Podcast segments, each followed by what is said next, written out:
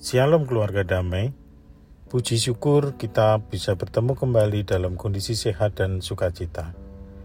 Mari kita awali pagi ini dengan merenungkan firman Tuhan lewat sapaan damai sejahtera. Sebelumnya marilah kita mulai dengan doa. Tuhan kami mengucap syukur atas hari baru yang kau berikan. Saat ini kami memohon berkat dan tuntunanmu untuk merenungkan firman Tuhan sebagai dasar untuk menjalani kehidupan yang penuh berkat. Dalam nama Yesus, kami berdoa dan mengucap syukur. Amin. Renungan sama pagi ini terambil dari kitab Roma 5 ayat 6 sampai 11 dengan judul hasil pembenaran yang berbunyi demikian. Karena waktu kita masih lemah, Kristus telah mati untuk kita orang-orang berdurhaka pada waktu yang ditentukan oleh Allah. Sebab tidak mudah seorang mau mati untuk orang yang benar, tetapi mungkin untuk orang yang baik ada orang yang berani mati. Akan tetapi Allah menunjukkan kasihnya kepada kita, oleh karena Kristus telah mati untuk kita, ketika kita masih berdosa. Lebih-lebih, karena kita sekarang telah dibenarkan oleh darahnya, kita pasti akan diselamatkan dari murka Allah. Sebab jikalau kita ketika masih seteru diperdamaikan dengan Allah oleh kematian anaknya, lebih-lebih kita yang sekarang telah diperdamaikan pasti akan diselamatkan oleh hidupnya. Dan bukan hanya itu saja, kita malah bermegah dalam Allah oleh, oleh Yesus Kristus Tuhan kita. Sebab oleh dia kita telah menerima pendamaian itu. Warga damai yang terkasih, dari bacaan di atas kita bisa belajar tentang kasih Allah kepada orang berdosa untuk diselamatkan dan dibenarkan oleh kematian dan darah Kristus. Jika kita melihat hidup manusia lama sebelum pembenaran oleh darahnya adalah masih lemah, sebagai orang-orang durhaka masih berdosa, dan masih menjadi seteru. Dalam kondisi seperti ini, manusia akan tetap hidup dalam ketidaktaatan kepada Allah dan terus hidup dalam dosa dan ketidakbenaran.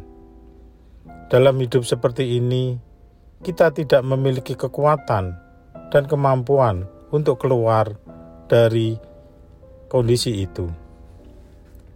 Seperti sebuah ilustrasi, jika ada seseorang yang tercebur ke dalam danau yang berlumpur, pasti akan meronta dan bergerak untuk keluar dan menyelamatkan diri dari kubangan lumpur itu. Karena tidak ada tempat berpijak untuk kakinya, maka semakin orang itu banyak bergerak, semakin tenggelamlah dan masuk ke dalam lumpur itu. Orang itu akan selamat hanya jika ada orang lain yang berada di atasnya atau yang berdiri di tanah yang keras untuk menariknya ke atas dengan bantuan tali atau tongkat di tangannya. Sama seperti orang berdosa, semakin kita berusaha untuk keluar dari dosa kita, semakin menunjukkan ketidakmampuan untuk menyelamatkan diri.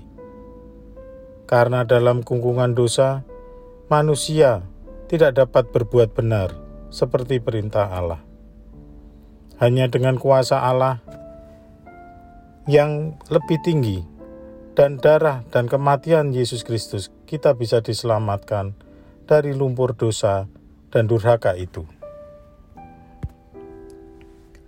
Warga damai, di sisi lainnya, Allah melihat ketidakberdayaan manusia yang masih lemah itu sehingga Allah menunjukkan kasihnya kepada manusia dengan memberikan anaknya yang tunggal untuk mati bagi kita, orang-orang durhaka dan berdosa ini. Seperti dalam ayat 8, akan tetapi Allah menunjukkan kasihnya kepada kita, oleh karena Kristus telah mati untuk kita, ketika kita masih berdosa. Kasih Allah dan kematian Kristus untuk kita ini merupakan anugerah terbesar bagi kita, yang sebagai manusia berdosa, bagiannya adalah murka Allah. dan tidak berhak sama sekali untuk mendapatkan kasihnya. Anugerah terbesar bagi kita adalah memperoleh sesuatu yang bukan bagian atau hak kita, tapi atas kasihnya kita bisa mendapatkannya. Selanjutnya, lewat kasih Allah dan kematian Kristus, kita menerima banyak hal yang sangat besar, yaitu kita berubah menjadi manusia baru hasil pembenaran oleh darahnya. Kita diselamatkan dari murka Allah. Kita yang dulunya masih seteru diperdamaikan dengan Allah. Dan kematian anaknya, lebih-lebih kita yang sekarang telah diperdamaikan, pasti akan diselamatkan oleh hidupnya. Ayat 9 dan 10. Setelahnya, bukan itu saja, kita bisa bermegah dalam Allah oleh Yesus Kristus yang telah menerima pendamaian itu. Bapak Ibu sekalian, lewat kematian dan darahnya, kita mendapatkan pembenaran, diselamatkan dari murka Allah dan diperdamaikan dengan Allah. Saudara-saudara yang terkasih dalam Yesus Kristus, lewat firman di atas, kita memahami bahwa kematian Kristus, penderitaan Kristus di kayu salib, itu semua dilakukan untuk menebus dan menyelamatkan kita dari lumpur dosa dan durhaka. Saat ini, marilah kita merenungkan apakah kita telah memahami begitu besar anugerah Tuhan bagi kita lewat kasih Allah itu, kematian, penderitaan, serta darah Kristus. Apakah kita juga telah meresponnya secara pribadi dengan mempercayai dan meyakini akan anugerah itu. Selanjutnya, apakah kita telah membagikan sukacita ini kepada orang-orang lain dan orang-orang terdekat keluarga kita? Marilah kita mensyukuri anugerah kasih Allah dan keselamatan ini dalam hidup sehari-hari, dengan hidup dengan benar sesuai kehendaknya. Marilah kita melayani Tuhan dengan lebih sungguh sebagai wujud ucapan syukur atas kasihnya yang lebih dulu diberikan kepada kita. Marilah kita membawa keluarga dan orang-orang terdekat untuk memahami dan meyakini keselamatan yang hanya dari Allah lewat kematian Yesus Kristus. Dan akhirnya, marilah kita bermegah dalam Allah dan dalam Yesus Kristus. Mari kita berdoa. Tuhan sungguh kami mengucap syukur akan anugerah terbesar dalam hidup kami lewat pembenaran dan pendamaian dari dosa kami ini Tuhan. Ajar kami melayani dan bersaksi lebih sungguh sebagai syukur atas keselamatan yang kau berikan kepada kami lewat kematian Yesus Kristus.